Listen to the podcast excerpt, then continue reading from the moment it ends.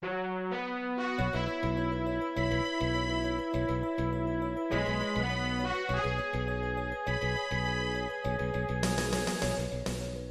listening to Radio Free Asia. The following program is in Khmer.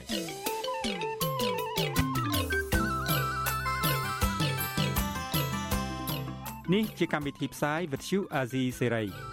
នេះជាកម្មវិធីផ្សាយរបស់ Vithu Azisari ជាភាសាខ្មែរ វត្តឈូអាស៊ីសេរីសូមស្វាគមន៍លោកអ្នកនាងទាំងអស់ពីរដ្ឋធានី Washington នៃសហរដ្ឋអាមេរិកចាប់ពីរដ្ឋធានី Washington នាងខ្ញុំម៉ៅសុធានីសូមជម្រាបសួរលោកអ្នកស្ដាប់ទាំងអស់ជាទីមេត្រីចាយើងខ្ញុំសូមជូនការផ្សាយសម្រាប់ព្រឹកថ្ងៃសៅរ៍11រោចខែកដិកឆ្នាំខាលចត្វាស័ក ពុទ្ធសករាជ2566ហើយដល់ត្រូវនៅថ្ងៃទី19ខែវិច្ឆិកាគ្រិស្តសករាជ2022ជាដំបូងនេះសូមអញ្ជើញលោកដានៀងកញ្ញាស្ដាប់ព័ត៌មានប្រចាំថ្ងៃដែលមានមេត្តាដូចតទៅ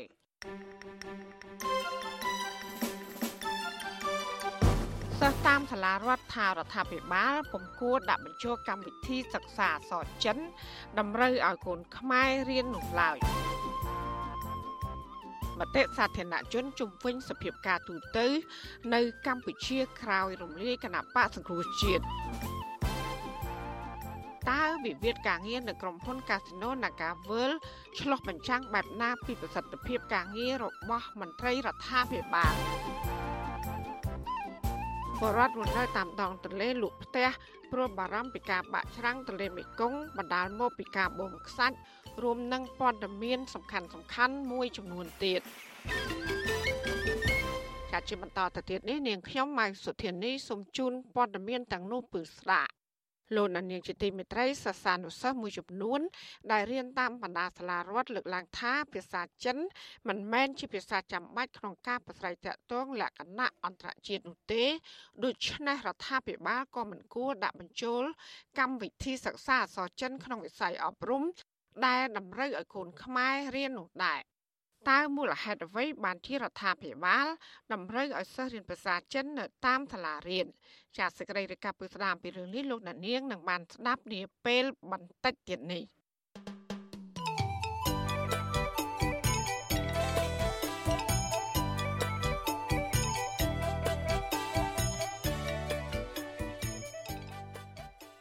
ចាលោកនាយកទីមេត្រីសមាគមការពារសិទ្ធិមនុស្សអាត6សោកស្ដាយនឹងខកចិត្តចំពោះការសម្រេចរបស់តុលាការកំពូលកាលពីថ្ងៃទី18ខែវិច្ឆិកាម្សិលមិញដែលបានសម្រេចតម្កល់សាក្រមសាលាដំបងរាជធានីភ្នំពេញនិងសាលដីកាសាលាឧទ្ធរភ្នំពេញទុកជាបានការដដែលក្នុងសំណុំរឿងសុប៉ាន់សាក់សីនិងសំគំនិតក្នុងអំពើសុប៉ាន់សាក់សីជាប្រធានាធិបតី Washington លោកជាតិចំណានរាយការណ៍ព័ត៌មាននេះ សមាគមការពារសិទ្ធិមនុស្សអាត់ហុកឲ្យដឹងថាសមាគមបានអង្កេតតាមដានយកចិត្តទុកដាក់ទៅលើដំណើរការនីតិវិធីទាំងមុនពេលនិងក្នុងអំឡុងពេលសវនាការរបស់សាលាដំបងរាជធានីភ្នំពេញសាលាអូតូភ្នំពេញហើយសង្កេតឃើញថារាល់ការចោទប្រកាន់មកលើមន្ត្រីសិទ្ធិមនុស្សទាំង5រូបគ្មានធាតុផ្សំពេញលេញនៃអំពើសោកប៉ាន់សាក់សីនោះឡើយចំណែកផុសតាំងដាក់បន្ទុកសកម្មភាពនៃការប្រព្រឹត្តអំពើសោកប៉ាន់គឺជាការសម្រេចដោយសំអាងទៅលើសម្ដីសាក់សីតែមួយគត់ សេចក្តីថ្លែងការណ៍របស់សមាគមការពារសិទ្ធិមនុស្សអាត់ហុកចុះនៅថ្ងៃទី18ខែវិច្ឆិកាលើកឡើងទៀតថាទោះជាមានការបញ្ជាក់ពីភាពស្អាតស្អំរបស់មន្ត្រីសិទ្ធិមនុស្សទាំង5រូបនេះរួមមានឯកសារផុសតាង និងវីដេអូក្តីប៉ុន្តែតុលាការមិនបានលើកយកអំណះអំណាងទាំងនោះមកពិចារណាធ្វើជាមូលដ្ឋានក្នុងការសម្រេចសេចក្តីនោះទេប្រតិកម្មរបស់សមាគមការពារសិទ្ធិមនុស្សអាត់ហុកបែបនេះក្រោយពេលដែលតុលាការកំពូលបានសម្រេចតម្កល់សារក្រមសាលាដំបងរាជធានីភ្នំពេញនិងសារដីកាសាលាអូតូភ្នំពេញទុកជាបានការ ក្នុងសំណុំរឿងសោកប៉ាន់និងសំកំណត់ក្នុងអំពើសោកប៉ាន់សាក់សីដែលប្តឹងដោយនាងខុមចន្ទរាទីហៅស្រីមុំអ្នកនាំពាក្យសមាគមសិទ្ធិមនុស្សអាត់ហុកលោកសង្សានករណាឲ្យអ្នកសារព័ត៌មានដឹងក្រោយចប់សវនាការនេះថាលោកសោកស្ដាយដែលតុលាការផ្ដោតតម្លៃលើលិខិត4ច្បាប់របស់នាងខុមចន្ទរាទីខ្លាំងជាការបំភ្លឺរបស់មន្ត្រីសិទ្ធិមនុស្សដែលបានចូលខ្លួនបំភ្លឺគ្រប់នីតិវិធីរបស់តុលាការលោកថាការសម្រេចរបស់តុលាការពេលនេះគឺជារឿងអយុត្តិធម៌លោកបន្តទៀតថានេះ គឺជាការបំបាក់ឆន្ទៈនិងស្មារតីទៅលើអ្នកធ្វើការងារសង្គមក្នុងវិស័យសិទ្ធិមនុស្ស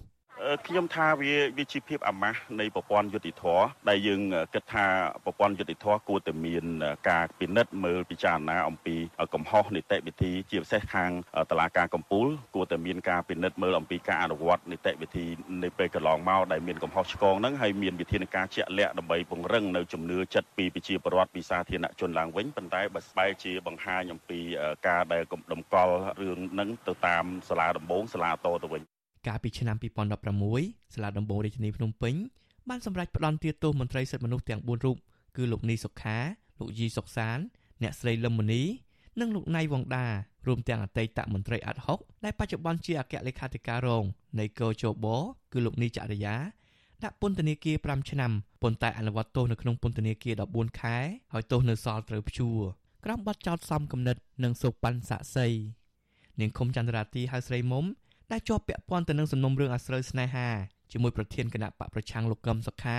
ដែលដំបងឡើយបានទៅសុំជំនួយគាំពៀផ្នែកសិទ្ធិមនុស្សពីសមាគមអាត់ហុកតែចុងក្រោយនាងបានប្តឹងអ្នកទាំង5រូបនេះថាបានសោកប៉ាន់រូបនាងក្នុងទំហំទឹកប្រាក់ជាង200ដុល្លារ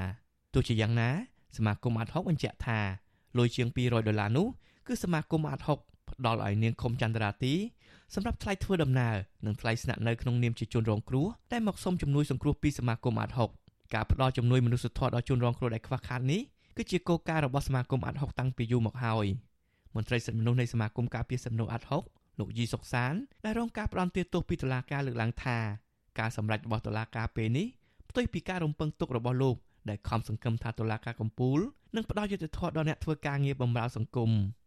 ថ្ងៃនេះខ្ញុំមានការសោកស្ដាយចំពោះសេចក្តីសម្រេចរបស់តុលាការកំពូលដែលខ្ញុំគិតថា តឡាការកម្ពុជានឹងរកយុទ្ធធរឲ្យក្រមអ្នកធ្វើការងារសង្គមស៊ីវិលផ្នែកសិទ្ធិមនុស្សចំណុចនេះខ្ញុំគិតថាតឡាការកម្ពុជាហាក់ដូចជាមិនមានគេហៅថាឆន្ទានុសិទ្ធិក្នុងការសម្រេចរកយុទ្ធធរឲ្យក្រមអង្គការសង្គមស៊ីវិលដែលធ្វើការងារខាងសិទ្ធិមនុស្សនេះទេបាទតកតងនឹងការលើកឡើងនេះវិសុអាស៊ីសេរី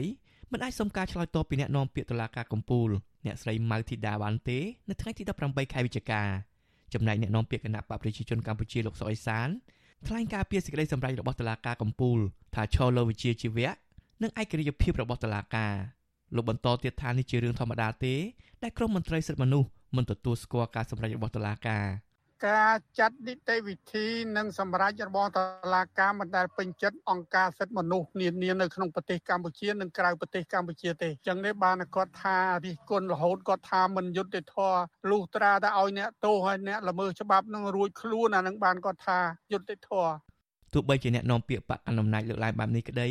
ប៉ុន្តែសមាគមការពារសិទ្ធិមនុស្សអាត់ហុកក៏សម្គាល់ឃើញថាក្រមប្រឹក្សាជំនុំជម្រះមិនបានផ្ដល់ការថ្លឹងថ្លែងឲ្យបានគ្រប់ជ្រុងជ្រោយទៅលើធាតុផ្សំនៃបទល្មើស ផ្ទុយទៅវិញតុលាការព្យាយាមបំភ្លៃអង្គហេតុដោយផ្ដល់ឋានៈនាងឃុំចន្ទរាទីហៅស្រីមុំពីជនសង្ស័យទៅជាសាក្សីដើម្បីបង្កើតជាបទល្មើសសម្រាប់ចោតប្រកាន់និងផ្ដន់ទោសលើមន្ត្រីសិទ្ធិមនុស្សដែលសកម្មបែបនេះគឺជាការរំលោភអំណាចនិងបំពានទៅលើសិទ្ធិទទួលបានយុត្តិធម៌លើពីនេះការយាយីតាមផ្លូវតុលាការលើមន្ត្រីអាត់ហុកនេះត្រូវបានសមាគមជាតិនិងអន្តរជាតិរិះគន់ជាបន្តបន្ទាប់ថាគឺជាការវាយប្រហារដោយឥតអៀនខ្មាស់ ទៅលើអ្នកការពារសិទ្ធិមនុស្សនៅកម្ពុជាដែលមើលទៅហាក់ដូចជាយុទ្ធសាស្ត្រដែលរៀបចំទុកជាមុនយ៉ាងច្បាស់លាស់របស់រដ្ឋាភិបាលលោកហ៊ុនសែនប្រធានអង្គភិបការពារសិទ្ធិមនុស្សហៅកាត់ថាច្រាក់លោករស់សុថាក៏សង្កេតឃើញដែរថា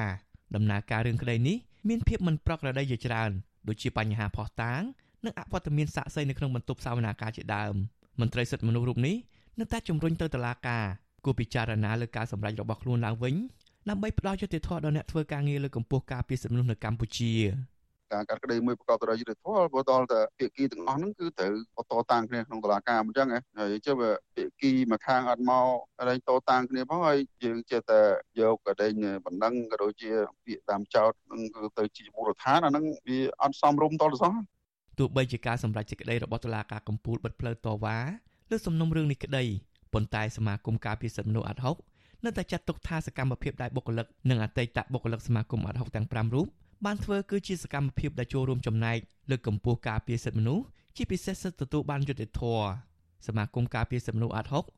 រិះគន់រដ្ឋាភិបាលថាកំពុងតែដើរប្រាចានិងរំលោភលើគោលការណ៍សិទ្ធិមនុស្សដែលខ្លួនបានផ្ដល់សេចក្ដីបានព្រមទាំងធានានៅក្នុងរដ្ឋធម្មនុញ្ញដែលជាច្បាប់កម្ពុជានិងជាពិសេសរំលោភលើសេចក្តីប្រកាសរបស់អង្គការសហប្រជាជាតិស្ដីពីអ្នកការពារសិទ្ធិមនុស្សយ៉ាងធ្ងន់ធ្ងរ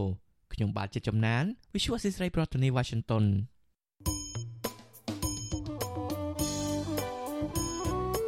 ចាលោកនាងជាទីមេត្រីវិទ្យុអសីស្រីផ្សាយតាមរលក ធាតុអាកាសខ្លីឬ short wave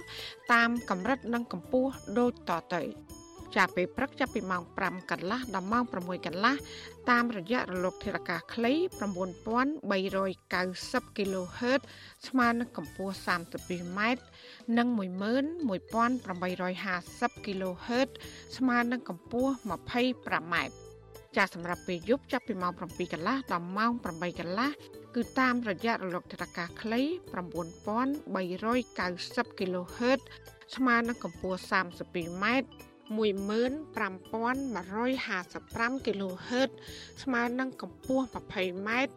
និង11885 kHz ស្មើនឹងកម្ពស់ 20m ចាសសូមអរគុណ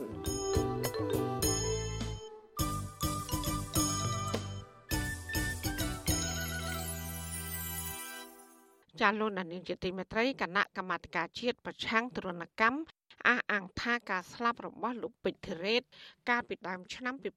2021គឺពាក់ព័ន្ធប៉ូលីសនៅស្រុកសង្កែខេត្តបាត់ដំបងសាច់ញាតិជនរងគ្រោះទទូចដល់ស្ថាប័នពាក់ព័ន្ធឲ្យនាំខ្លួនជនប្រព្រឹត្តបទល្មើសយកមកដាក់ទោសតាមច្បាប់ ប្រធានគណៈកម្មាធិការជាតិប្រឆាំងទរណកម្មលោកនុតសាអាន ប្រាប់បច្ចុប្បន្នទីស្រីនៅថ្ងៃទី18ខែវិច្ឆិកាដោយលោកអះអាង ថាសំណុំរឿងតាក់ទងនឹងការស្លាប់របស់ជនសង្ស័យឈ្មោះពេជ្រធីរ៉េតនៅអធិការដ្ឋាននគរបាលស្រុកសង្កែខេត្តបាត់ដំបងជាង1ឆ្នាំមកនោះគណៈកម្មការជាតិប្រឆាំងអំពើទរណកម្មក្រុងចេញសេចក្តីសន្និដ្ឋានពីលទ្ធផលនៃការស៊ើបអង្កេតចុងក្រោយ និងផ្សព្វផ្សាយជាសាធារណៈយ៉ាងយូរត្រឹមថ្ងៃទី20ខែវិច្ឆិកាការខាងមុខលោកបង្ហើបឲ្យដឹងថាតាមសេចក្តីសន្និដ្ឋានចុងក្រោយនោះបានរកឃើញថាប៉ូលីសស្រុកសង្កែជាប់ពាក់ព័ន្ធនឹងការស្លាប់របស់ជនសង្ស័យឈ្មោះពេជ្រធីរ៉េតហៅស្នាហើយមន្ត្រីទាំងនោះក៏បានដកទួនាទីនិងផ្ទេរពីកន្លែងចាស់ដាក់ទៅទួនាទីថ្មីអស់ហើយ បាទខ្ញុំពងកំពុងរៀបចំធ្វើហើយនឹងចេញក្នុងពេលស្អែកខាងស្អែកខ្ញុំនឹងនឹងធ្វើការផ្សព្វផ្សាយជូនមានពាក់ព័ន្ធជាមួយនឹងមន្ត្រីមានគាត់កិច្ចឥឡូវហ្នឹងមន្ត្រីអស់ហ្នឹងគឺបានដកទេចេញពីកន្លែងអស់ទាំងអស់ហើយឆ្លើយតបរឿងនេះអតីតអធិការនគរបាលស្រុកសង្កែលោកស៊ុនសវណ្ណាប្រាប់ថាលោកត្រូវបានផ្ទេរពីមេប៉ូលីសស្រុកសង្កែមកកាន់មុខតំណែងជាស្នងការរងនគរបាលខេត្តបាត់ដំបងជំនួសវិញ ទោះយ៉ាងណាលោកបដិសេធឆ្លើយតបទៅនឹងសំណួរវិទ្យុអសីស្រីជំវិញការស្លាប់របស់លោកពេជ្រធីរ៉េតក្រោមហេតុផលថាលោកបានឆ្លើយបញ្ជាក់ទៅក្រសួងរួចហើយ បន្ទាប់មកលោកក៏ចុចផ្ដាច់ទូរស័ព្ទឡើយនឹងមកអញសួរខ្ញុំរួចហើយហើយបើខ្ញុំក៏ពេលនេះក៏ខ្ញុំអត់ឆ្លើយដែរហើយវាហួសហួសដេញទូនេតិខ្ញុំហើយរឿងនឹងដល់ក្រសួងអីអស់ហើយ ទោះយ៉ាងណាបងស្រីបង្កើតរបស់ជនរងគ្រោះដែលសកម្មក្នុងការស្វែងរកយុត្តិធម៌ជូនប្អូនប្រុសគឺលោកស្រីពេជ្រលីណាថ្លែងថារយៈពេលជិត600ថ្ងៃមកនេះដែលប្អូនប្រុសរបស់លោកស្រីមិនទាន់ទទួលបានយុត្តិធម៌នៅឡើយ ប៉ុន្តែប៉ូលីសស្រុកសង្កែដែលសង្ស័យជាប់ពាក់ព័ន្ធក្រោមអំពើទរណកម្មលើប្អូនប្រុសបែជានៅក្រៅសំណាញ់ច្បាប់ និងថែមទាំងដំឡើងទួនាទីទៅវិញលោកស្រីស្នើយ៉ាងទទូចដល់គណៈកម្មាធិការជាតិប្រឆាំងទរណកម្មបង្ហាញលទ្ធផលដោយឈលលើភាពត្រឹមត្រូវនិងយុត្តិធម៌ហើយបើសិនជារកឃើញថាករណីនេះមានជាប់ពាក់ព័ន្ធនឹងប៉ូលីសស្រុកសង្កែត្រូវយកជនប្រព្រឹត្តទាំងនោះដាក់ទោសតាមច្បាប់ដើម្បីផ្ដល់យុត្តិធម៌ដល់ជនរងគ្រោះ បើសិនជាខាងក្រសួងមហាផ្ទៃបើសិនជាលោកចេញសេចក្តីប្រកាសជាសាធារណៈហើយថាមានជាប់ពាក់ព័ន្ធទៅនឹងសមត្ថកិច្ចស្រុកសង្កែដែលយកប្អូនខ្ញុំទៅសួរចម្លើយមានជាប់ពាក់ព័ន្ធនឹងការវាយធ្វើទរណកម្មខ្ញុំសូមឲ្យខាងក្រសួងចាត់វិធានការតាមនីតិវិធីច្បាប់ទៅលើសមត្ថកិច្ចទាំងអស់នោះឲ្យសមនឹងទង្វើរបស់គាត់ដែលគាត់យកជនសង្ស័យទៅវាយយកចម្លើយរហូតដល់ស្លាប់ចឹង កាលពីថ្ងៃទី3ខែមេសាឆ្នាំ2021លោកពេជ្រធីរ៉េតអាយុ31ឆ្នាំមានមុខរបរជាជាងផ្សារដែករស់នៅក្នុងភូមិបោះពោឃុំអូដំបងមួយស្រុកសង្កែបានស្លាប់ក្នុងពេលដែលប៉ូលីសចាប់ឃុំខ្លួនសួរចម្លើយនៅក្នុងអធិការដ្ឋាននគរបាលស្រុកសង្កែអស់រយៈពេលជាង3ម៉ោងពាក់ព័ន្ធនឹងការសង្ស័យថាគាត់បានរាយខ្សែភ្លើងអគ្គិសនីដើម្បីឆក់សម្លាប់ប្រពន្ធនៅក្នុងផ្ទះដោយសារតែភ្លើងប្រច័ណ្ឌ ក៏ប៉ុន្តែសាក់សីអះអាងថាក្នុងពេលដែលកើតហេតុនោះគឺបរិសុទ្ធជាប្តីមិនបាននៅផ្ទះនោះឡើយប៉ូលីសខេត្តបាត់ដំបងបកស្រាយថាលោកពេជ្រធីរ៉េតបានស្លាប់ដោយសារគាំងបេះដូងព្រោះប្រើថ្នាំញៀនហួសកម្រិតប៉ុន្តែនៅពេលសាច់ញាតិពិនិត្យសាកសពឃើញមានស្នាមរបួសនិងជាំពេញខ្លួនចាប់តាំងពីក្បាលរហូតដល់ជើង និងមានហូរឈាមតាមច្រមុះនិងត្រចៀកព្រមទាំងស្នាមខួងនៅកន្លែងដាក់ខ្នោះនិងស្នាមជាំខ្លាំងនៅកជើងទាំងពីរ បន្ថែមពីនេះសម្លៀកបំពាក់របស់ជនរងគ្រោះត្រូវបានផ្លាស់ប្ដូរឲ្យសាច់ញាតិអះអាង ថាសមត្ថកិច្ចបានព្យាយាមរារាំងមិនឲ្យសាច់ញាតិនិងអ្នកកសែតទៅពិនិត្យសាកសពទៀតផងអ្នកជំនាញនឹងគ្រួសារជនរងគ្រោះសន្និដ្ឋាន ថាស្នាមជាំនឹងរបួសនៅលើដងខ្លួនសាកសពគឺជាស្នាមរងទរណកម្មដោយសារការវេដំនិងឆក់ខ្សែភ្លើង ខាងគណៈកម្មាធិការជាតិប្រឆាំងទរណកម្មក៏បានចុះស៊ើបអង្កេតរកឃើញថាការស្លាប់របស់ជនរងគ្រោះគឺជាប់ពាក់ព័ន្ធនឹងការធ្វើទរណកម្មរបស់នគរបាលស្រុកសង្កែនោះដែរទោះយ៉ាងណាមកដល់ពេលនេះក្រមនគរបាលស្រុកសង្កែដែលជាប់សង្ស័យក្នុងករណីនេះនៅតែមានត្រីភាពនៅឡើយជុំវិញរឿងនេះមន្ត្រីសម្របសម្រួលសមាគមការពារសិទ្ធិមនុស្សអាត60 ប្រចាំនៅខេត្តបាត់ដំបងលោកយិនមេលីថ្លែងថាអំពើទរណកម្មគឺជាបទអក្រិតដែលមានចែងនៅក្នុងក្រមព្រហ្មទណ្ឌកម្ពុជានិងច្បាប់អន្តរជាតិហើយដែលហាម5មិនឲ្យអាជ្ញាធរមានសមត្ថកិច្ចធ្វើទរណកម្មលើជនសង្ស័យឬក៏ជនណាមួយ ដើម្បីទទួលបានចម្លើយសារភាពនោះឡើយទោះយ៉ាងណាលោកមើលឃើញថាកន្លងមក ការអនុវត្តជាក់ស្ដែងរបស់សមត្ថកិច្ចមួយចំនួន គឺប្រព្រឹត្តផ្ទុយពីច្បាប់កំណត់ឲ្យលោកជំរុញឲ្យក្រសួងស្ថាប័នពាក់ព័ន្ធពង្រឹងការអនុវត្តច្បាប់ឡើងវិញស្លាប់ណាស់ណាដែលក្រុមគ្រួសារជនរងគ្រោះគាត់សង្ស័យថាធ្វើទរណកម្មឲ្យយើងបំភ្លឺគេអត់បាននេះជាបញ្ហាបញ្ហាដែរតែទោះបីជាយ៉ាងណាយើងចង់ឲ្យខាងក្រុមសមត្ថកិច្ចគាត់ចេញរបាយការណ៍មកបាទដើម្បីធ្វើការពិនិត្យទៅលើរបាយការណ៍ហ្នឹងមាត្រា38នៃរដ្ឋធម្មនុញ្ញកម្ពុជាចែងថា ការបង្ខិតបង្ខំការធ្វើបាបលើរូបរាងកាយឬការប្រព្រឹត្តណាមួយដែលបន្ថែមទម្ងន់ទណ្ឌកម្មអនុវត្តចំពោះជនជាប់ឃុំឬក៏ជាប់ក្នុងពន្ធនាគារគឺត្រូវហាមឃាត់មិនឲ្យធ្វើនោះឡើយមាត្រា210នៃក្រមព្រហ្មទណ្ឌដែលនិយាយអំពីបទទរណកម្មនិងអំពើខុសខើចែងថាទរណកម្មឬអំពើខុសខើដែលប្រព្រឹត្តទៅលើបុគ្គលណាមួយត្រូវផ្ដន្ទាទោសដាក់ពន្ធនាគារពី7ឆ្នាំទៅ15ឆ្នាំ។ ច្បាប់មិនត្រឹមតែហាមឃាត់ការធ្វើទរណកម្មលើរាងកាយប៉ុណ្ណោះទេ ការធ្វើទរណកម្មផ្លូវចិត្តក៏ជាអំពើល្មើសច្បាប់ផងដែរច្បាប់កំណត់ថាប្រសិនបើអ្នកធ្វើទរណកម្មគឺជាមន្ត្រីរាជការដូចជានគរបាលកងរាជអាវុធហត្ថឬជាទាហានជាដើមកម្រិតទូទាត់ដែលពួកគេត្រូវទទួល គឺមានស្ថានទម្ងន់ធ្ងន់ជាងមនុស្សធម្មតា មាត្រា213នៅក្រមព្រហ្មទណ្ឌដែលនិយាយអំពីស្ថានទម្ងន់ទោសនៃបទល្មើសធ្វើទរណកម្មចែងថាការធ្វើទរណកម្មនិងអំពើឃោឃៅគឺត្រូវផ្តន្ទាទោសដាក់ពន្ធនាគារពី10ឆ្នាំទៅ20ឆ្នាំបើសិនបើបាត់អក្រិតនោះត្រូវបានប្រព្រឹត្តដោយអ្នករាជការសាធារណៈនៅក្នុងក្របខ័ណ្ឌនៃមុខងារនៅក្នុងឱកាសនៃការបំពេញមុខងាររបស់ខ្លួន។ ទោះជាយ៉ាងណាករណីមន្ត្រីនគរបាលរងការចោទថាធ្វើទរណកម្មលើជនសង្ស័យក្នុងពេលចាប់ឃុំខ្លួនឬក៏ពេលសួរចម្លើយបណ្ដារងគ្រោះរបួសធ្ងន់ធ្ងរនិងស្លាប់នេះតែងតែកើតមានឡើងជាហូរហែក៏ប៉ុន្តែគ្រួសារជនរងគ្រោះកម្រទទួលបានយុត្តិធម៌ណាស់ប៉ះសិនបើគ្មានការស្រែកបញ្ជា ពីលោកនាយករដ្ឋមន្ត្រីហ៊ុនសែននោះទេជាក់ស្ដែងកាលពីចុងឆ្នាំ2019មានប្រជាប្រដ្ឋតាវ៉ាដីធ្លីចំនួន5នាក់ ត្រូវបានមន្ត្រីកងរាជអាវុធហត្ថខេត្តបន្ទាយមានជ័យចាប់ឃុំខ្លួន និងវេដំរហូតដល់ស្លាប់បរិមម្នាក់ឈ្មោះទុយស្រស់និងរបួសធ្ងន់ធ្ងរ4នាក់ផ្សេងទៀតព្រមទាំងអតីតមេបញ្ជាការកងរាជអាវុធហត្ថក្រុងកោះចេះក៏ធ្វើអំពើទរណកម្មខុសខើលើជនរងគ្រោះជាដើមប៉ុន្តែអតីតមន្ត្រីខ្លះជាប់ពន្ធនាគារមួយរយៈហើយក៏បានទៅនៅក្រៅឃុំវិញ។ រីឯករណីផ្សេងទៀតដែលលោកហ៊ុនសែនមិនបានលោកដៃនោះគឺជាទូទៅអាញាធរពពាន់នៅតែបកស្រាយថាជនរងគ្រោះស្លាប់ដោយសារបញ្ហាសុខភាពខ្យល់កោឬក៏កាំងបេះដូងជាដើម។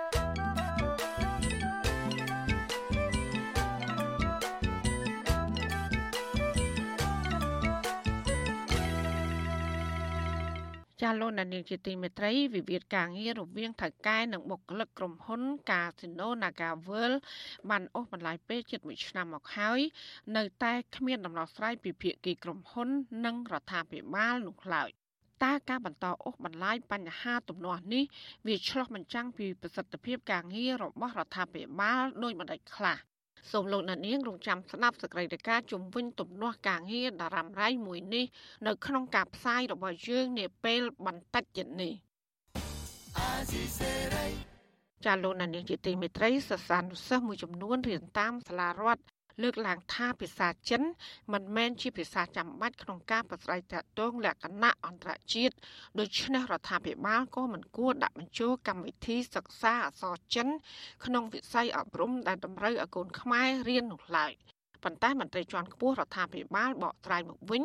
ថាការបញ្ចូលកម្មវិធីសិក្សាអក្សរចិន ក្នុងវិស័យអប់រំគឺចង់ឲ្យប្រជាពលរដ្ឋកាន់តែយល់ច្បាស់អំពីភាសាចិន និងឆ្លើយតបទៅតាមតម្រូវការសង្គមចា៎នេះគឺជាសកម្មភាពពិស្ដាររបស់លោកលេងម៉ាលីជំវិញព័ត៌មាននេះសិស្សនៃសាលាចំណេះទូទៅមិនពេញចិត្តចំពោះការបន្ថែមមុខវិជ្ជាភាសាចិន ចាប់ពីថ្នាក់ទី7ដល់12នោះទេ ពួកគាត់បារម្ភថា ការដាក់កម្មវិធីសិក្សាភាសាចិនក្នុងវិស័យអប់រំអាចនឹងធ្វើឲ្យពួកគាត់កាន់តែស្មុគស្មាញក្នុងការរៀនសូត្រគណៈបច្ចុប្បន្នថ្នាក់កម្រិតអនុវិទ្យាល័យនិងវិទ្យាល័យមានមុខវិជ្ជាសិក្សាចំនួន12មុខដែលធ្វើឲ្យពួកគេពិបាកចងចាំមេរៀនសិស្សថ្នាក់ទី11នៃវិទ្យាល័យហ៊ុនសែនចំការដូងក្រុងកែបម្នាក់ប្រាប់វិទ្យុអស៊ីសេរីនៅថ្ងៃទី17វិច្ឆិកាថាប្រសិនបើរដ្ឋាភិបាលដាក់បញ្ចូលភាសាចិនក្នុងកម្មវិធីសិក្សាបន្ថែមទៀតនោះ យុវជនរូបនេះបារម្ភថាខ្លួននឹងមិនងាយចងចាំនៅមុខវិជ្ជាផ្សេងទៀតទេយុវជនសូមមិនបញ្ចេញឈ្មោះរូបនេះឲ្យដឹងថាខ្លួនក៏មិនសប្បាយចិត្តចំពោះការបញ្ចូលកម្មវិធីសិក្សាភាសាចិនក្នុងសាលារដ្ឋនោះដែរបើសិនជាគេចេះព្រមព្រៀងហើយយើងក៏អាចជួយបានដែរបើអញ្ចឹងយើងមានន័យថាយើង មានតែរៀនទៅតាមគេដាក់មកតែសម្រាប់ខ្ញុំក៏អត់ទៅពេញចិត្តបានទេដោយសារតែយើងមានភាសាខ្មែររបស់យើងមួយហើយនិងភាសាអីផ្សេងៗគិតថាវាច្រើនអីចឹងណាបើយើងខ្លាចចាប់អត់អស់ហើយទីមួយហើយនៅមួយយើងក៏មានអក្សរខ្មែរសម្រាប់យើងហើយអញ្ចឹងស្រដៀងគ្នានេះសិស្សថ្នាក់ទី10នៃវិទ្យាល័យស្រែពូខេត្តស្ទឹងត្រែងម្នាក់លើកឡើងថាការបញ្ចូលកម្មវិធីសិក្សាអក្សរចិនតាមសាលារដ្ឋ វាអាចមានភាពងាយស្រួលសម្រាប់កូនអ្នកក្រីក្រ ដែលគ្មានលទ្ធភាពទៅរៀនអក្សរចិននៅតាមសាលារៀនឯកជនទោះជាយ៉ាងនេះក្តីយុវតីរូបនេះព្រួយបារម្ភថាស្របពេលដែលយុវជនខ្មែរមួយចំនួនហាក់សិក្សាផ្នែកភាសាខ្មែរនៅមានកម្រិតហើយបែរជាត្រូវសិក្សាភាសាចិនបន្ថែមទៀតនេះនោះអក្សរខ្មែរនឹងអាចប្រឈមបញ្ហាខ្ញុំព្រួយបារម្ភខ្លះថានៅពេលដែលគេដាក់បញ្ចូលភាសាបរទេសដូចជាភាសាយូនៅភាសាចិនអញ្ចឹងទៅវាអាចនឹងធ្វើឲ្យមានការគ្រប់ដណ្ដប់ទៅលើយុវជនខ្មែរចំនួនក្រោយវាធ្វើឲ្យផ្លេចទៅភាសារបស់ខ្លួនឯងអ្នកខ្លះទៅគាត់និយាយទៅចេះភាសារបស់គេទៅនិយាយភាសាខ្លួនឯងផ្លេចភាសាខ្លួនឯងនិយាយអត់ចេះនិយាយភាសាខ្លួនឯង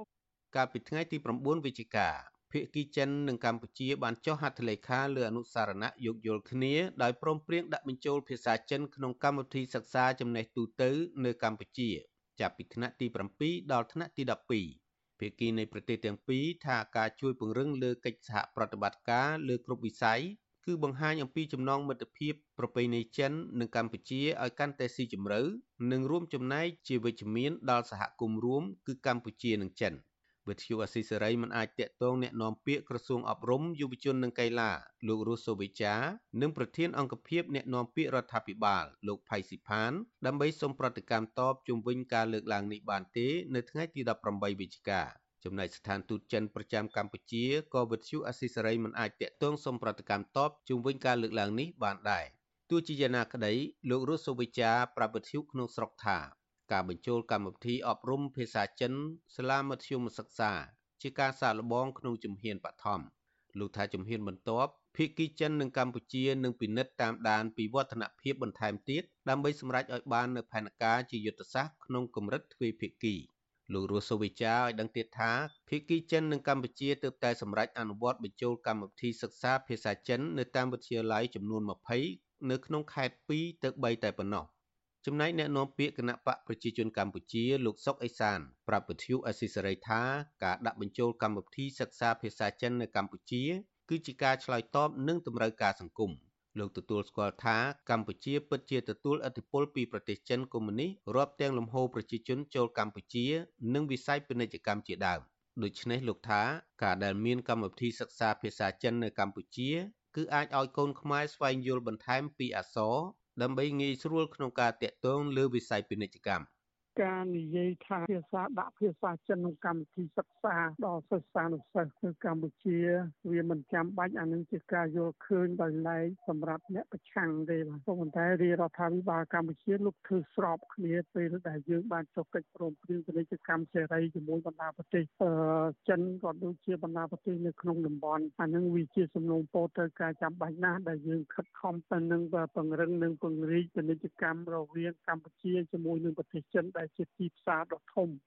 បច្ចុប្បន្នប្រទេសដែលប្រើភាសាចិនជាភាសាផ្លូវការបន្ទាប់ពីភាសាអង់គ្លេសមានដូចជា ប្រទេសសិង្ហបុរីម៉ាកាវតៃវ៉ាន់និងហុងកុងដែលប្រទេសឬតំបន់ទាំងនេះសម្បូរជនជាតិចិនរស់នៅជាក្រុមក្នុងបរិបទពួកគេប្រស្រ័យតាក់ទងគ្នាដោយសារនិយាយភាសាចិន គឺចិនកតាំងនិងកុកងើជាដើម ប្រទេសដែលប្រើប្រាស់ភាសាចិនភាគច្រើនក៏ជាប្រទេសកំពុងអភិវឌ្ឍដែលងាយរងសម្ពាធនយោបាយនិងស្ថិតក្រោមឥទ្ធិពលរបស់ប្រទេសចិនចំណែកការដាក់បញ្ចូលអក្សរចិននៅកម្ពុជាសម្រាប់កូនខ្មែរនេះក្រុមអ្នកខ្លំមើលនិយាយថាចិនគ្រាន់តែយករដ្ឋាភិបាលលោកហ៊ុនសែនធ្វើជាឧបករណ៍ដើម្បីពង្រីកឥទ្ធិពលនៃភាសារបស់ខ្លួននៅលើទឹកដីតែប៉ុណ្ណោះ ខណៈដែលរដ្ឋាភិបាលលោកហ៊ុនសែនតែងតែអោបក្រសោបចិន និងពឹងពាក់ចិនស្ទើរគ្រប់វិស័យដើម្បីការពារអំណាចរបស់ខ្លួនទោះជាយ៉ាងណាក្តីព្រះសង្ឃមួយអង្គដែលតែងតែឈឺឆ្អាលបញ្ហាសង្គមគឺព្រះដេចគុណប៉មសុខៃវណ្ណៈមានថេរដីកាថាកម្ពុជាមិនគួរបើកចំហឲ្យប្រពៃណីវប្បធម៌បរទេសអក្សរចិនដាក់ក្នុងវិស័យអប់រំដែលតម្រូវឲ្យកូនខ្មែរត្រូវតែរៀនសូត្រនោះទេ។ យើងមិនឲ្យដាក់យើងមិនមានភាពរឹងអានទេនៅពេលដែលពិភពលោកគេមិនទាន់ទទួលស្គាល់ជាភាសាការទូតមួយដែលប្រើប្រាស់សម្រាប់ទំនាក់ទំនងគ្នាអញ្ចឹងណាប៉ុន្តែឧទាហរណ៍នៅពេលដែលភាសាអង់គ្លេសភាសាវៀតណាមគេដាក់នៅបាតំបងថ្នាក់ធំអញ្ចឹងគេដាក់ដើម្បីថាតើយើងចូលចិត្តភាសាណាយើងសិក្សាភាសាហ្នឹងអូខេអាហ្នឹងជាទូទៅហើយនៅពេលដែលសិស្សទី12គាត់មានសមត្ថភាពក្នុងការប្រឡងចប់ហើយគាត់បានសិក្សាប៉ុន្តែយើងមើលឃើញថានៅពេលដែលដាក់ភាសាចិនចង់តែមិនចង់យុវជនឬក៏កូនខ្មែរនឹងត្រូវតែរៀនអញ្ចឹងប៉ះពាល់ដល់អារម្មណ៍យុវជនប៉ះពាល់វប្បធម៌នៃអក្សរសាស្ត្រជាតិរបស់យើងដែរបច្ចុប្បន្នភាសាបារាំងនិងភាសាអង់គ្លេសត្រូវបានក្រសួងអប់រំដាក់បញ្ចូលក្នុងកម្មវិធីសិក្សាចំណេះទូទៅនៅកម្ពុជារួចទៅហើយដោយឡែកកាលពីពេលថ្មីៗនេះរដ្ឋាភិបាលកម្ពុជាក៏បានយល់ព្រមឲ្យវៀតណាមបង្កើតដេប៉ាតឺម៉ង់ភាសាវៀតណាមនៅសាកលវិទ្យាល័យភូមិន្ទភ្នំពេញដែរដែលបណ្ដាលឲ្យមានការរិះគន់ពីប្រជាពលរដ្ឋម្ដងហើយខ្ញុំបាទលេងម៉ាលីវិទ្យុអស៊ីសេរីពីរដ្ឋធានី Washington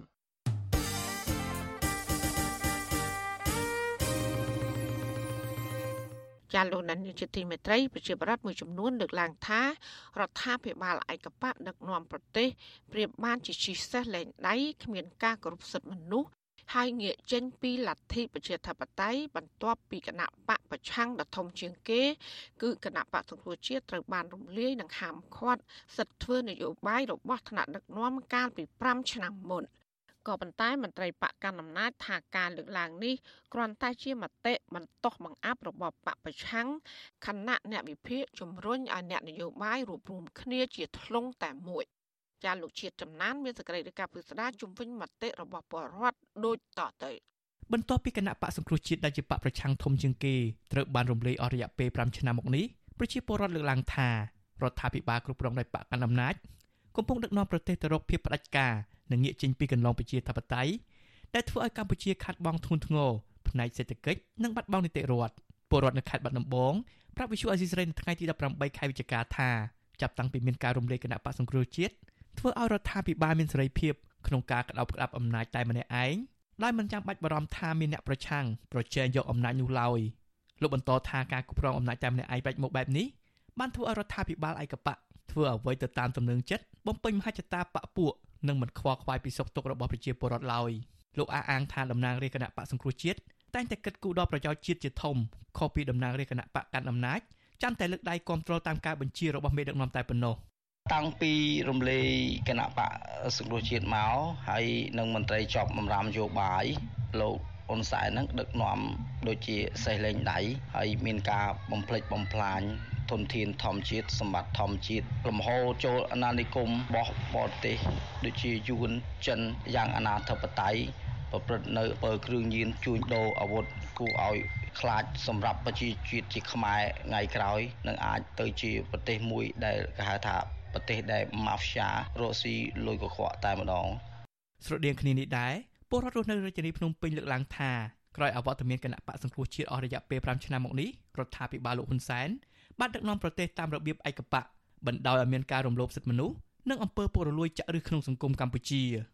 លោកបន្តទៀតថាការធ្លាក់ចុះនីតិរដ្ឋនិងបាត់បង់ប្រជាធិបតេយ្យបានធ្វើឲ្យកម្ពុជាខាត់បង់ប្រយោជន៍ធំធេង តាមរយៈការដាក់ទណ្ឌកម្មពីប្រទេសលោកខាងលិចហើយចំពោះការគោរពសិទ្ធិមនុស្សសិទ្ធិបញ្ចេញមតិត្រូវបានរដ្ឋបတ်យ៉ាងខ្លាំងចំពោះប្រជាប្រដ្ឋទូទៅក៏ដូចជាអ្នកនយោបាយហើយការគ្រប់គ្រងធនធានធម្មជាតិគឺមានការថយចុះយ៉ាងច្រើន ដូចជាការ សម្បទានបឹងតមោកឲ្យទៅអកញ៉ាឬក៏តារាចម្រៀងមួយចំនួនហ្នឹងហើយការកាប់បំផ្លាញព្រៃឈើជាក់ស្ដែងនៅភ្នំតាម៉ៅនេះប្រសិនបើមានគណៈបកប្រឆាំងម្ល៉េះហើយភ្នំនិងបឹងទាំងអស់នោះពុំត្រូវបានធ្វើការកាប់បំផ្លាញនិងធ្វើការលុបនោះទេស្ថានភាពកម្ពុជាក្រោយអវត្តមានគណៈបកសង្គ្រោះជាតិហាក់គ្មានភាពប្រសើរឡើងបន្ទាប់ពីសហគមន៍អន្តរជាតិមើលឃើញពីការធ្លាក់ចុះការគោរពសិទ្ធិមនុស្សនិងប្រជាធិបតេយ្យទន្ទឹមនឹងនេះ ប្រជាពលរដ្ឋផ្សេងផ្សេងទៀតមើលឃើញស្រដៀងស្រដៀងគ្នានេះថាអំពើពុករលួយ ការកាប់បំផ្លាញធនធានធម្មជាតិការចែកចាយការផលិតគ្រឿងញៀននិងអសន្តិសុខសង្គមបង្កឡើងដោយអ្នកមានអំណាច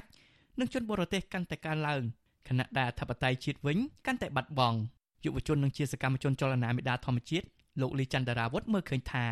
ក្នុងរយៈពេល5ឆ្នាំកន្លងមកនេះរដ្ឋាភិបាលដឹកនាំដោយប្រកាន់យករបបផ្ដាច់ការកាន់តែខ្លាំងជាងមុនតាមរយៈការរដ្ឋបិទសេរីភាពនៃការបញ្ចេញមតិ និងការធ្លាក់ចុះនៃការគោរពសិទ្ធិមនុស្សជាងនេះទៅទៀតសកម្មជននយោបាយសិទ្ធិមនុស្សនិងបរិស្ថានត្រូវបានរងការគំរាមកំហែងធ្វើទុកបុកម្នេញដោយចោទប្រកាន់តាមប្រព័ន្ធតុលាការនិងដាក់ពន្ធនាគារ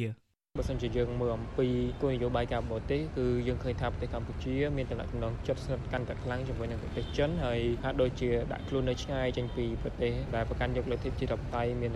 និងសហរដ្ឋអាមេរិកជាដើមហើយប្រទេសកម្ពុជាក៏កំពុងតែផុងខ្លួនជ្រៅទៅក្នុងវិវាទសង្គ្រាមនយោបាយរបស់ប្រទេសមហាអំណាចផងដែរដោយយើងឃើញរឿងនេះតាមរយៈការចោទប្រកាន់ពីសហរដ្ឋអាមេរិកនិងប្រទេសមួយចំនួននៅក្នុងអាស៊ានមកលើប្រទេសកម្ពុជាអំពីការសង្ស័យថាកម្ពុជាលួចដាក់មូលដ្ឋានទ័ពចិននៅឯសមុទ្ររៀម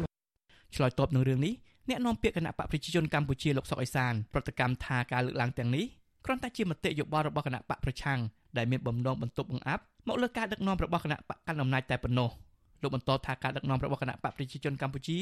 ត្រូវបានគ្រប់គ្រងដោយប្រជាជនតាមរយៈការបោះឆ្នោតគណៈគណៈបកមួយនេះបានជាប់ឆ្នោតអស់6អាណត្តិមកហើយ។ បាទលើកលែងតអ្នកមួយចំនួនដែលអត់មានពាក់ព័ន្ធនឹងផ្លូវច្បាប់ទេអានឹងអាចមានសិទ្ធិធ្វើនយោបាយពេញលេញដូចជាពលរដ្ឋទូទៅនៃប្រទេសកម្ពុជាដែលអត់មានបញ្ហាអីទេបាទគាត់ចង់ទៅបង្កើតគណៈបកឥឡូវក៏បានគាត់ចង់ធ្វើកម្មភាពនយោបាយបំរើគណៈបកនយោបាយណាក៏បានអាស្រ័យទៅលើឆន្ទៈផ្ទាល់ខ្លួនរបស់គាត់ម្នាក់ម្នាក់ទេបាទអត់មានជំនៀតចំអល់ឬមួយក៏បិទផ្លូវមិនឲ្យគាត់ធ្វើនយោបាយទេអានឹងយើងត្រូវគោរពច្បាប់ប់នឹងឯងបាទ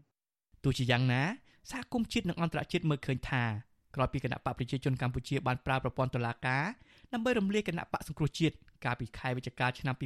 2017ដោយសារតែបារម្ភពីការចាញ់ឆ្នោតបន្ទាប់មកគណៈបកកណ្ដាលអំណាចបានរៀបចំការបោះឆ្នោតបែបបង្ក្រប់កិច្ចកាលពីឆ្នាំ2018ដែលពេលនោះពុំមានការប្រកាសទទួលស្គាល់លទ្ធផលឆ្នោតពីក្រមប្រទេសប្រជាធិបតេយ្យធំធំនោះឡើយគណៈបកសង្គ្រោះជាតិត្រូវបានបង្កើតឡើងនៅខែកក្កដាឆ្នាំ2012 ដោយមានការរួមបញ្ចូលគ្នានៃគណៈបកសំរងស៊ីនិងគណៈបកសិទ្ធិមនុស្សរបស់លោកកឹមសុខាដើម្បីប្រកួតប្រជែងការបោះឆ្នោតឆ្នាំ2013តុលាការកំពូលក្រុងភ្នំពេញបានរំលាយគណៈបកសង្គ្រោះជាតិកាលពីថ្ងៃទី16ខែវិច្ឆិកាឆ្នាំ2017តាមបំណងរបស់លោកហ៊ុនសែនដោយចោទប្រធានគណៈបកប្រឆាំងនេះគឺលោកកឹមសុខាថាក្បត់ជាតិសមាជិកក្រុមប្រឹក្សាជំនុំជម្រះតុលាការកំពូលដែលភាគច្រើនជាសមាជិកប្រជិមបកនៃគណៈបកប្រជាជនកម្ពុជាបានយកអាសនៈគណៈបកសង្គ្រោះជាតិ ដែលមានសម្លេងចិត្តពាក់កណ្ដាលនៃរដ្ឋសភាចែកទៅឲ្យគណៈបកដែលគ្មានអាសនៈផ្សេងទៀតចំណែកឯមន្ត្រីជាន់ខ្ពស់របស់គណៈបកសង្គ្រោះជាតិចំនួន118នាក់វិញត្រូវបានហាម5មិនឲ្យធ្វើនយោបាយរយៈពេល5ឆ្នាំទន្ទឹមគ្នានេះអតីតសមាជិកសភានិងសកម្មជនរបស់គណៈបកសង្គ្រោះជាតិខ្លះបានភៀសខ្លួនចេញពីប្រទេសកម្ពុជាដោយសារតែការភ័យខ្លាចការចាប់ខ្លួនដោយគណៈបកកណ្ដាលអំណាចហើយអ្នកខ្លះត្រូវបានតុលាការកាត់ទោសកំបាំងមុខនិងមួយចំនួនទៀតកំពុងជាប់ពន្ធនាគារការរំលាយគណៈបកសង្គ្រោះជាតិទាំងតក់ក្រហល់ មុនការបោះឆ្នោតជ្រើសតាំងតំណាងរាស្ត្រត្រូវបានក្រុមអ្នកវិភាគមើលឃើញថាដោយសារតែបកមួយនេះទទួលបានការគ្រប់គ្រងនិងមានទំនុកចិត្តពីប្រជាពលរដ្ឋកាន់តែច្រើនឡើងដែលជាសារគំរាមកំហែងដល់បកកណ្ដាលអំណាចតែកតិននឹងរឿងនេះអ្នកស្រាវជ្រាវខាងអភិវឌ្ឍសង្គមបណ្ឌិតមាសនេះយល់ឃើញថាអ្នកនយោបាយនៅកម្ពុជាត្រូវមានការផ្សះផ្សាគ្នាក្នុងការធ្វើនយោបាយប្រកបដោយទំនុកចិត្តនិងភាពស្មោះត្រង់លោកបន្តថាអ្វីត្បិតការប្រកួតប្រជែងនិងការស្វែងរកប្រជាប្រិយភាពរបស់អ្នកនយោបាយគឺជារឿងធម្មតាតែលោក ចង់ឃើញមានការប្រកួតប្រជែងប្រកបដោយសមធម៌យុត្តិធម៌និងគ្មានការគំរាមកំហែងគ្នាទៅវិញទៅមក។ធ្វើម៉េចកុំឲ្យមាននយោបាយមួយដែលប្រកាន់ថាមានឯងអត់អញឬមានឯងអត់ឯងបាទហើយនឹងនយោបាយមួយទៀតគឺការនយោបាយធ្វើនយោបាយតាមបែបការសងសឹកជាប់ខ្លួនរវាងអ្នកដឹកនាំនយោបាយជាជាងការធ្វើការរួមគ្នាដើម្បីឈានទៅរកការមានឯកភាពជាតិពិតប្រាកដកើតឡើងដោយអ្វីដែលបានចែងក្នុងរដ្ឋធម្មនុញ្ញ ក្រោយរំលាយគណៈបកសង្គ្រោះជាតិរដ្ឋាភិបាលកម្ពុជាដែលដឹកនាំដោយគណៈបកប្រជាជនកម្ពុជាត្រូវបានសហគមន៍អន្តរជាតិថ្កោលទោសនិងដាក់ទណ្ឌកម្មសេដ្ឋកិច្ចជាបន្តបន្ទាប់សហគមន៍អន្តរជាតិបានប្រមាននៅមុនការបោះឆ្នោតជ្រើសរើសក្រុមប្រឹក្សាគុំសង្កាត់ថាប្រសិនបើស្ថានភាពនយោបាយមិនប្រែប្រួលនោះទេកម្ពុជានឹងប្រឈមផ្នែកសេដ្ឋកិច្ចជាពិសេសអាចនឹងបាត់បង់ប្រព័ន្ធអនុគ្រោះពន្ធ EBA និង GSP ទាំងស្រុងពីកម្ពុជាក្រោយការបោះឆ្នោតជ្រើសតាំងតំណាងរាស្ត្រឆ្នាំ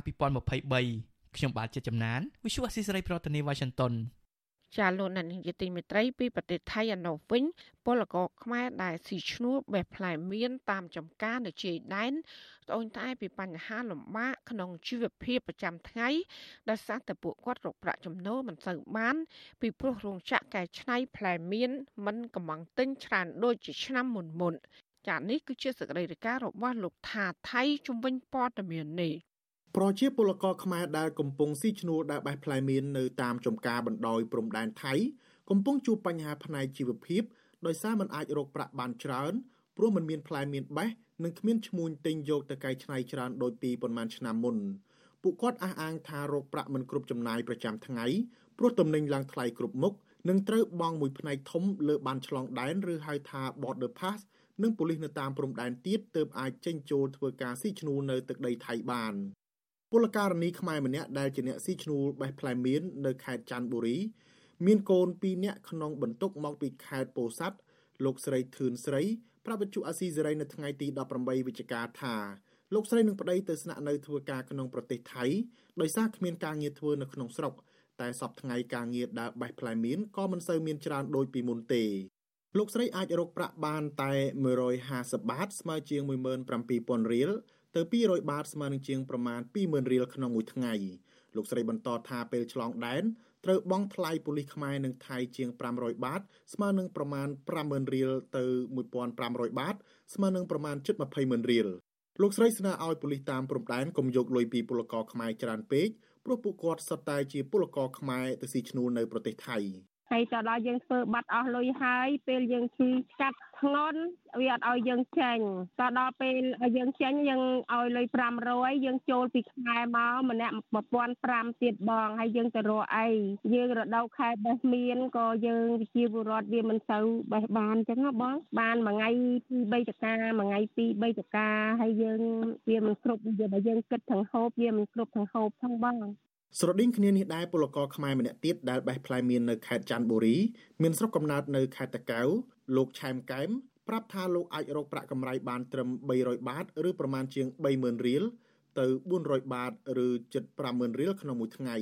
លោកថានៅក្នុងចំការដែលលោកដើរបេះផ្លែមៀននេះមានពលករខ្មែរ400ទៅ500នាក់ហើយពួកគាត់រកប្រាក់ចំណូលមិនសូវបានដូចគ្នា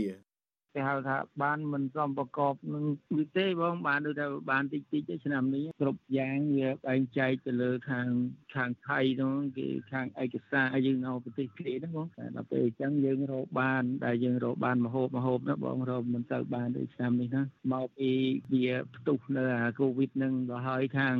រោងងานខាងថៃគាត់មិនទៅទិញបាននៅសួនណាដូចថាគាត់ទិញសួនហ្នឹងបានតិចអញ្ចឹងធ្វើឲ្យខាងកម្មករខ្មែរយើងអញ្ចឹងដូចថាយើងទៅទិញអញ្ចឹងយើងមកបេះអញ្ចឹងដូចថាវាមានការបេះឈប់បេះឈប់អញ្ចឹងណាបងកម្មករខ្មែរច្រើនតែឆ្លងដែនចូលមកស៊ីឈ្នួលបេះផ្លែមៀននៅតាមចំការព្រំដែនថៃក្នុងរវាងខែកញ្ញាទៅដល់ខែធ្នូហើយកម្មករខ្លះដែលមានផ្ទះជាប់ព្រំដែនខ្មែរថៃពួកគាត់ចូលមកបេះផ្លែមៀនពេលព្រឹកលុះល្ងាចក៏នាំគ្នាត្រឡប់ទៅខ្មែរវិញក៏ប៉ុន្តែកម្មករខ្លះក៏សម្រាកនៅផ្ទះតាមចំការរបស់ថៅកែថៃឬបោះតង់ដេកតាមចំការតែម្ដងដោយពួកគាត់នៅជាក្រុមពី30ទៅ40នាក់ មន្ត្រីគម្រោងនៃមជ្ឈមណ្ឌលសម្ព័ន្ធភាពការងារនិងសិទ្ធិមនុស្សហៅកាត់ថាសង្ត្រាល់លោកលឹងសុផុនលើកឡើងថាសប្តាហ៍ពលករខ្មែរទៅថៃជួបផលលំបាកស្ទើរគ្រប់តំបន់មិនថាអ្នកធ្វើការរោងចក្រសំណង់ឬតាមចំការនោះទេពពួកគាត់ត្រូវប្រឈមនឹងទំនិញឡើងថ្លៃឯប្រាក់ឈ្នួលទាបមិនអាចទប់ទល់នឹងជីវភាពបានលោកបន្តថាពលករខ្មែរត្រូវចំណាយច្រើនលើថ្លៃឯកសារថែមទៀតដូច្នេះពួកគាត់កាន់តែលំបាក លោកស្នើដល់រដ្ឋាភិបាលថៃនិងខ្មែរបញ្ចុះតម្លៃធ្វើឯកសារសម្រាប់ពលករខ្មែរដែលធ្វើការនៅប្រទេសថៃ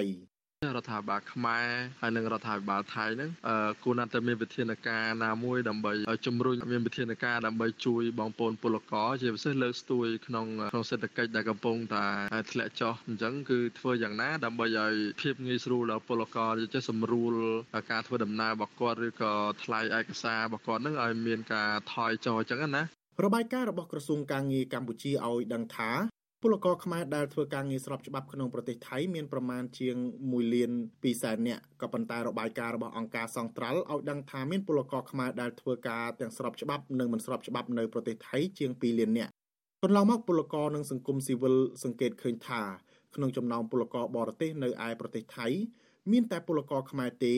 ដែលកំសត់វេទនាជាងគេព្រោះមិនត្រឹមតែប្រឈមរងគ្រោះពីថៅកែថៃប៉ុណ្ណោះទេ ថែមទាំងរងគ្រោះដោយអាជ្ញាធរខ្មែរថែមទៀតតាមរយៈការមិនសូវអើពើអំពីសុកទុកនិងការប្រព្រឹត្តអំពើពុករលួយគៀបយកលុយពីពលករខ្មែរខ្លួនឯងជាដើមខ្ញុំថាថៃពីទីក្រុងមែលប៊ន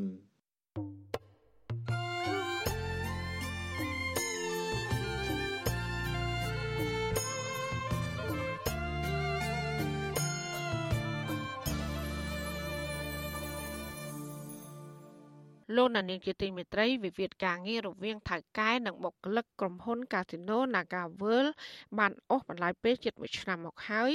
នៅតែគ្មានដំណោះស្រាយពីភាគីក្រុមហ៊ុន និងរដ្ឋាភិបាលនោះឡើយលើសពីនេះក្រុមបុគ្គលិកកាស៊ីណូ Naga World ក៏កំពុងរងគ្រោះគ្រប់បែបយ៉ាងពីក្រុមហ៊ុន និងអាជ្ញាធររដ្ឋាភិបាលដូចជាទទួលរងនៅអំពើហិង្សាលើរាងកាយការគំរាមកំហែងនិងការជាប់បណ្ដឹងក្នុងតុលាការជាដើម បើសិនបើវិវាទការងារមួយនេះ នៅតែបន្តអូសបន្លាយតើវាឆ្លោះបញ្ចាំងពីប្រសិទ្ធភាពការងាររបស់រដ្ឋាភិបាលដោយបណ្ដេចខ្លះ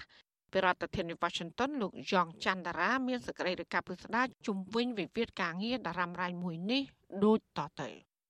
វិវាទការងាររវាងបុគ្គលិកនិងថៅកែ Nagawal ដែលអូសបន្លាយអស់រយៈពេលជិត1ឆ្នាំមកនេះផ្ដើមចេញពីការកាត់បន្ថយបុគ្គលិកជាង1000នាក់ ដែលក្រុមបុគ្គលិកយល់ថាជាចេតនារបស់ក្រុមហ៊ុន ចង់លុបបំបាត់សហជីពក្រុមកោតក្រ Nagawal ដែលភ ieck ច្រើនជាស្ត្រី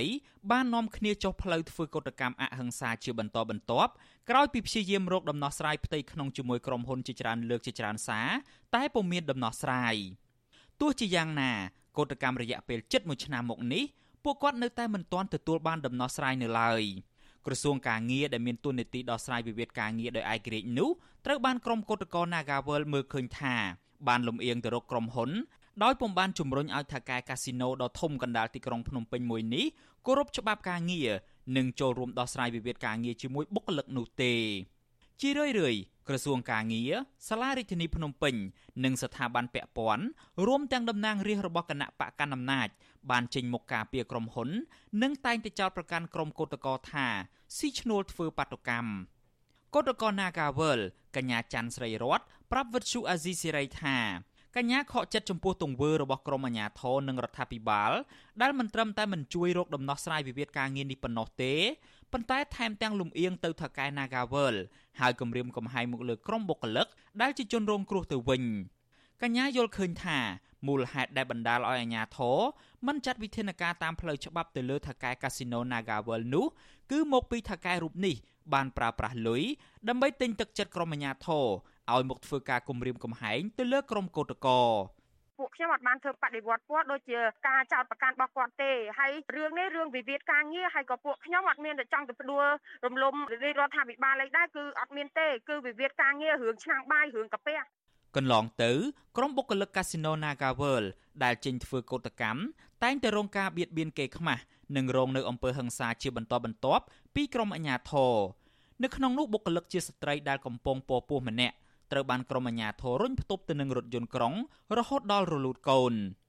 លើសពីនេះទៅទៀតតុលាការបានចាប់ថ្នាក់ដឹកនាំនិងសកម្មជនសហជីពសរុប11នាក់ដាក់ពន្ធនាគារជាបន្តបន្ទាប់កាលពីដើមឆ្នាំ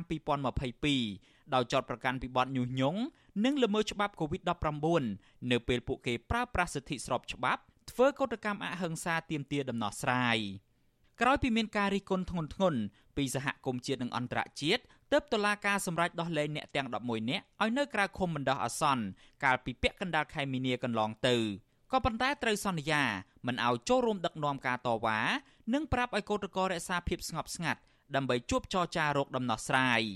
ទោះជាយ៉ាងណា ការជួបចរចា14លើកកន្លងទៅនេះនៅតែគ្មានលទ្ធផលវិជ្ជមានដោយសារខាងក្រសួងការងារនិងក្រុមហ៊ុន តែងតែបង្ខំឲ្យបុគ្គលិកទូទាត់ប្រាក់ឈ្នួលហើយរកការងារថ្មី ការប្រើប្រាស់ប្រព័ន្ធតុលាការដើម្បីគម្រាមកំហែងសហជីពឯករាជ្យ LRSU មិនត្រូវបានបញ្ចប់នោះឡើយបច្ចុប្បន្ននេះក្រុមកោតក្រ Nagawal 8នាក់ផ្សេងទៀតដែលសកម្មនឹងលេចធ្លោនៅក្នុងការតវ៉ានោះត្រូវបានព្រះរាជអាជ្ញារងនៃអัยការអមសាលាដំបងរាជធានីភ្នំពេញលោកឆាយហុងក៏ហៅឲ្យចូលបំភ្លឺតាមបណ្ដឹងរបស់ក្រុមហ៊ុនពីបទចោទរំលោភលើលំនៅឋានធ្វើឲ្យខូចខាតដោយចេតនាមានស្ថានទម្ងន់ទោសព្រមទាំងចាប់ឃុំឃាំងនិងបង្ខាំងដោយខុសច្បាប់ បុគ្គលិក Nagawal ម្នាក់ដែលកំពុងជាប់បណ្ដឹងនៅក្នុងសំណុំរឿងនេះគឺលោកស្រីឆានបូរ៉ាថ្លែងថា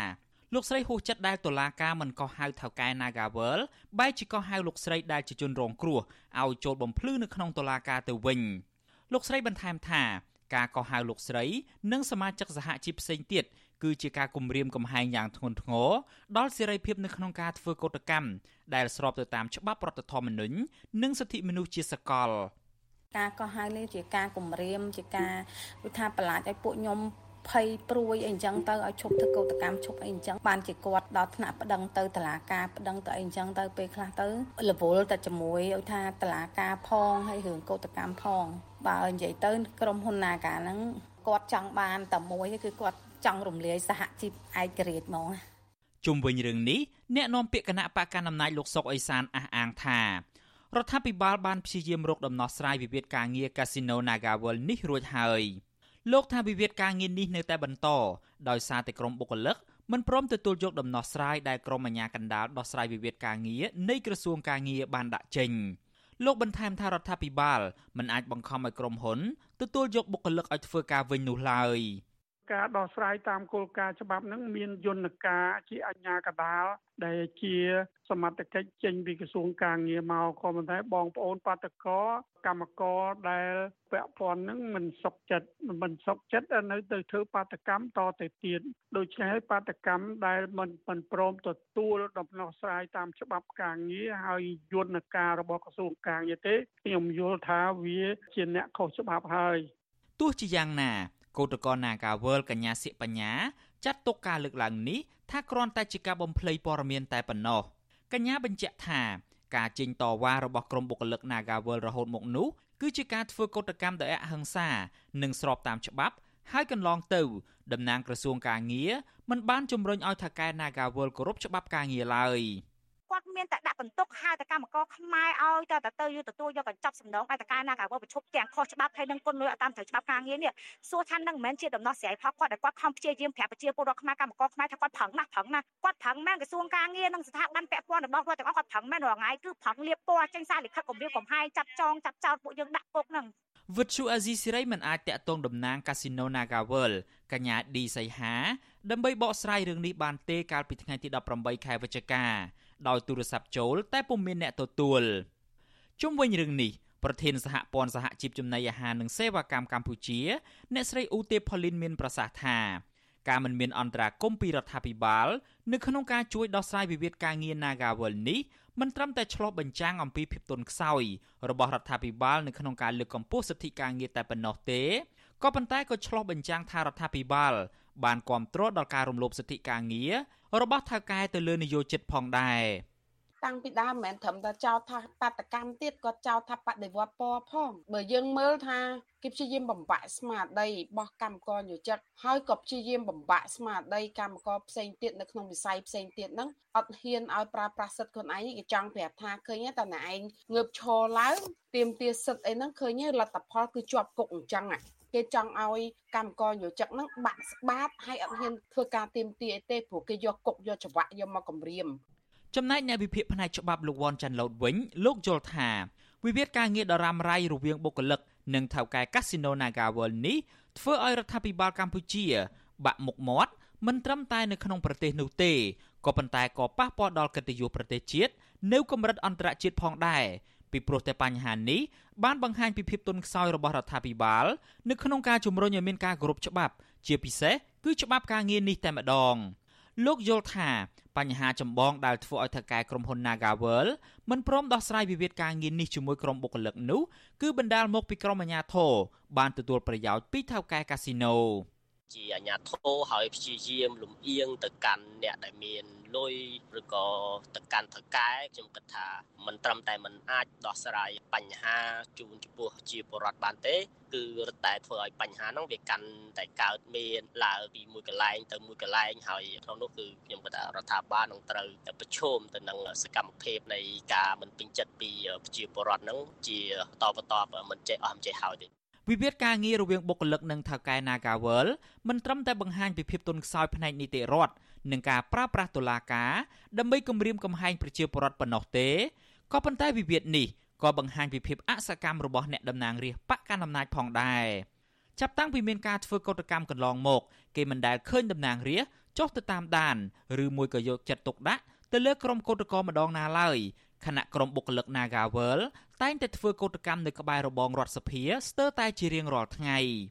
សហជីពត្រួតត្រងសិទ្ធិការងារបុគ្គលិកកម្មករខ្មែរនៃក្រុមហ៊ុន Casino Nagawal បានគូបញ្ជាក់នៅក្នុងសេចក្តីថ្លែងការណ៍កាលពីពេលកន្លងទៅថាការប្រើប្រាស់តុលាការមិនមែនជាដំណោះស្រាយពិតប្រាកដដែលធ្វើឲ្យកោតករបោះបង់ការទាមទារសិទ្ធិការងារនិងយុត្តិធម៌នៅកន្លែងការងារនោះឡើយ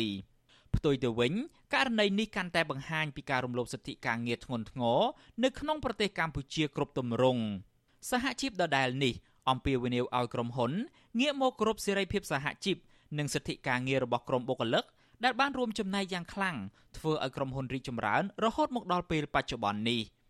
ខ្ញុំយ៉ងច័ន្ទដារាវិទ្យុអាស៊ីសេរីរាយការណ៍ពីរដ្ឋធានី Washington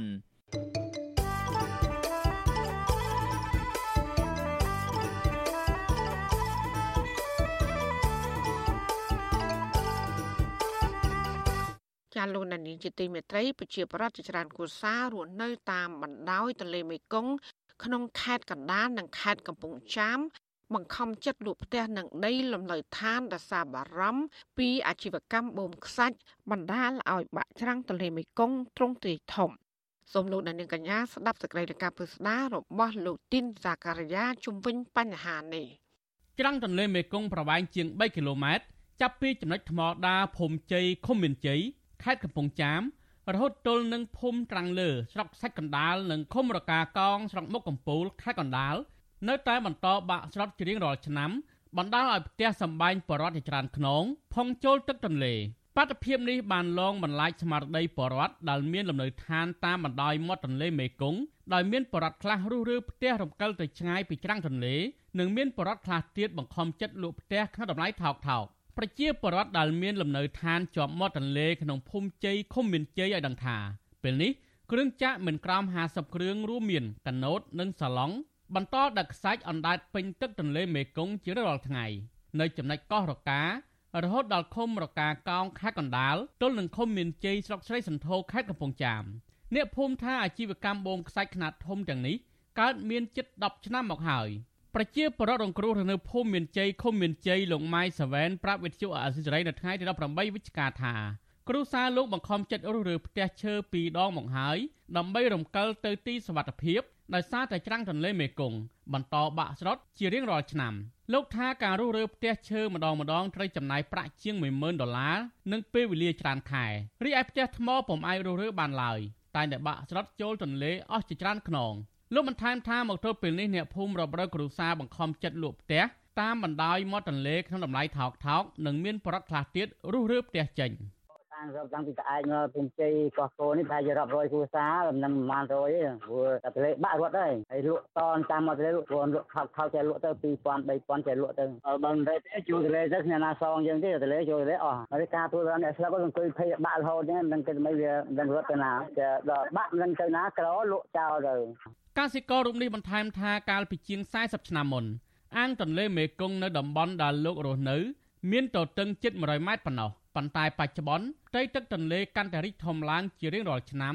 ដោយមានប្រវែងទទឹង3គីឡូម៉ែត្រលោកថាគ្រួសារលោកបង្ខំចិត្តលក់ផ្ទះមួយកន្លែងនៅមាត់ទន្លេមេគង្គក្នុងតម្លៃ5000ដុល្លារប្រតែគ្មានជំរើសពលរដ្ឋម្នាក់ទៀតថ្លែងសុំមិនបញ្ចេញឈ្មោះឲ្យដឹងថាក្រុមហ៊ុនឯកជនមួយចំនួនបន្តបូមខ្សាច់ធម្មជាតិលក់ដោយមិនខ្វល់ពីផលប៉ះពាល់ផ្ទះសម្បែង ផ្លូវថ្នល់និងដីស្រែចម្ការពលរដ្ឋដែលបាក់ស្រុតចូលទន្លេនោះឡើយលោកថាអ្នកភូមិកំពុងតែភ័យខ្លាចបាតុភិបនេះតែពួកគាត់មិនហ៊ានលើកគ្នាតវ៉ាឡើយព្រោះខ្លាចអាជ្ញាធរធ្វើបាបលោកបន្ថែមថាកន្លងទៅដោយស្រែចម្ការអ្នកភូមិនិងផ្ទះបរតរាប់សិបខ្នងក្នុងឃុំរស័យជ្រោយឃុំតាអាចនិងឃុំរកាកោងបានបាក់ស្រុតចូលទន្លេ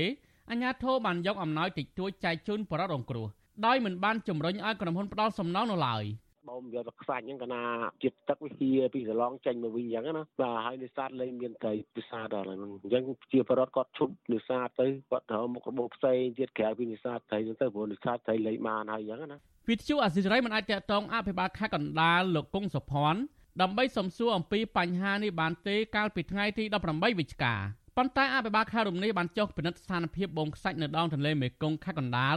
ដោយអះអាងប្រាប់បរដ្ឋនិងអាជ្ញាធរមូលដ្ឋានថា អាជ្ញាធរខេត្តនឹងធ្វើរបាយការណ៍ពីបញ្ហានេះដាក់ជូនរដ្ឋាភិបាលដើម្បីស្នើឲ្យពិនិត្យនិងចាត់វិធានការដោះស្រាយមេឃុំមានជ័យលោកដុបប៊ុនហុងលើកឡើងថា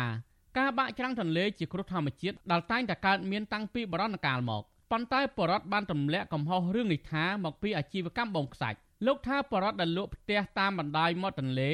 ដោយសារដីឡើងថ្លៃហើយពួកគាត់ទៅទិញផ្ទះនៅតំបន់ផ្សេងទៀតលោកបន្ថែមថាកន្លងទៅមានក្រុមហ៊ុនឯកជនមួយចំនួន កំពុងស្នើសុំក្រសួងពាក់ព័ន្ធធ្វើច្រាំងទន្លេដើម្បីការពារកុំឲ្យបាក់ច្រាំងនៅក្នុងឃុំរបស់លោកគាត់ហូហើផ្ទះហ្នឹងថាវានៅចិត្តច្រាំងអញ្ចឹងគាត់ហាងឆៃនៅតាមដីមាត់ទន្លេហ្នឹងវាยังមានហាងឆៃនេះផងអញ្ចឹងគាត់បញ្ចេញទៅគាត់ដោះស្រាយយកដីហ្នឹងយកមកយកលុយទៅប្រើប្រាស់ការងារទិញដីទីនៅវិញទៅទិញកន្លែងនេះថាដីភូមិសាងសង់ផ្ទះវិញអញ្ចឹងចំណែកអ្នកនាំពាក្យក្រសួងរាយនឹងធម្មពលលោកអឹងឌីប៉ូឡាថ្លែងនៅក្នុងសុនសឹកខ្សែតមួយកាលពីដើមខែសីហាថា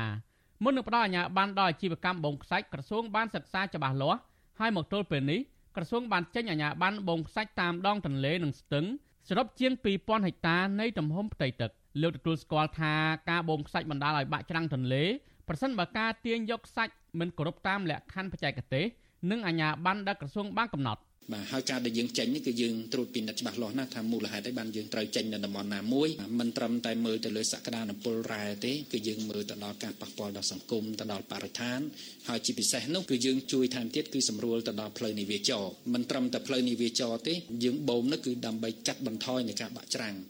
សកម្មជនការពារបរិស្ថានសង្កេតឃើញថាចំនួនខ្សាច់ដែលបូមចេញពីទន្លេក្នុងចន្លោះពី40ទៅ50%គឺសម្រាប់លុបបឹងធម្មជាតិក្នុងខេត្តកណ្ដាល និងរាជធានីភ្នំពេញក្រមតម្រង់អភិវឌ្ឍទីក្រុងរណបនិងផ្សារទំនើបជាដើមសកម្មជនការពារបរិស្ថានដែលចោះស្រាវជ្រាវរឿងនេះគឺលោកថនរដ្ឋាមើលឃើញថា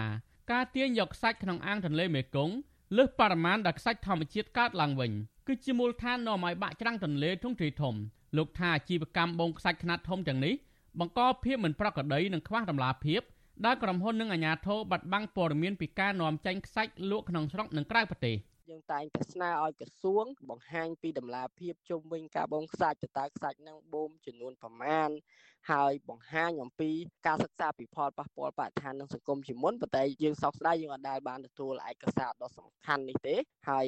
ច្រាំងទលេនៅតែបាក់សកម្មជនការពារបរិស្ថានរំនេះសង្កេតឃើញថាកន្លងទៅផ្ទះសម្បែងរបស់បរដ្ឋជាច្រើនខ្នងបាក់ស្រុតចូលទន្លេមិនឃើញអាជ្ញាធរនិងក្រុមហ៊ុនទទួលខុសត្រូវដោយផ្ដាល់សំណងសមរម្លើយ គឺឃើញតែផ្ដល់ជំនួយមនុស្សធម៌តិចតួចប៉ុណ្ណោះលោកថាផលប៉ះពាល់ដោយបាតុភូតបាក់ច្រាំងទន្លេនិងការបាត់បង់ចំនួនត្រីក្នុងអាងទន្លេមេគង្គកាន់តែច្រើនថែមទៀតដរាបណាសកម្មភាពទាំងនេះមិនបានដោះស្រាយឲ្យបានជ្រះស្រឡះរីឯប្រជាពលរដ្ឋវិញក៏នៅតែបន្តរងគ្រោះកាន់តែរៀលដាលធំឡើងពីមួយឆ្នាំទៅមួយឆ្នាំហើយអ្នកដែលទទួលបានផលប្រយោជន៍ពីសម្បត្តិធម្មជាតិទាំងនេះគឺក្រុមហ៊ុនឯកជនអាជ្ញាធរខលខូចនិងក្រុមអ្នកមានអំណាចជាដើម។ ខ្ញុំទីនសាការីយ៉ាអស៊ីសេរី ប្រធានីវ៉ាស៊ីនតោនចាលោកនាងជាទីមេត្រីវិទ្យុអសីស្រីផ្សាយតាមរលកធាតុអាកាសខ្លីឬ short wave តាមកម្រិតនិងកម្ពស់ដូចតទៅ ចាប់ពេលព្រឹកចាប់ពីម៉ោង5កន្លះដល់ម៉ោង6កន្លះតាមរយៈរលកធាតុអាកាសខ្លី9390 kHz ស្មើនឹងកម្ពស់ 32m និង11850 kHz ស្មើនឹងកម្ពស់ 25m ចាសម្រាប់ពេលយប់ចាប់ពីម៉ោង7កន្លះដល់ម៉ោង8កន្លះគឺតាមរយៈរលកថេរការខ្លី9390 kHz ស្មើនឹងកម្ពស់ 32m 15155 kHz ស្មើនឹងកម្ពស់ 20m និង11885 kHz ស្មើនឹងកម្ពស់ 20m ចាសសូមអរគុណ